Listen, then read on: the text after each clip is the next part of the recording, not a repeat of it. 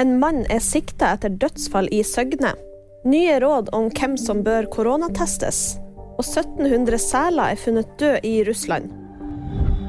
En mann i 30-årene er sikta etter et dødsfall i Søgne.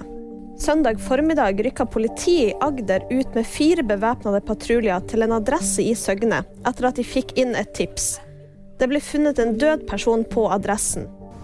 Det er gjort pågripelse i saken, og det er en person som er foreløpig sikta for grov kroppsskade med døden til følge.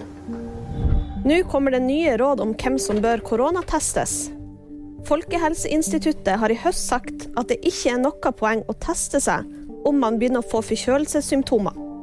Men den nye koronamedisinen Paxlovid gjør at noen pasientgrupper nå bør finne ut om de er smitta med forkjølelse, sesonginfluensa eller covid-19. Grunnen er at pasientene som er i risikosonen skal kunne få behandling av medisinen så tidlig som mulig. Paxlovid vil være tilgjengelig i norske apotek i løpet av neste uke. 1700 seler ble funnet døde i Russland. Selene ble funnet sør i Russland ved kysten av Kaspihavet, som er verdens største innsjø. Hvorfor dette har skjedd, er ikke kjent. Men det har tidligere vært tilfeller av massedød blant sel i Kaspihavet, som har vært forårsaka av naturlige årsaker. Og VG-nyheter fikk du av meg, Live Auskar.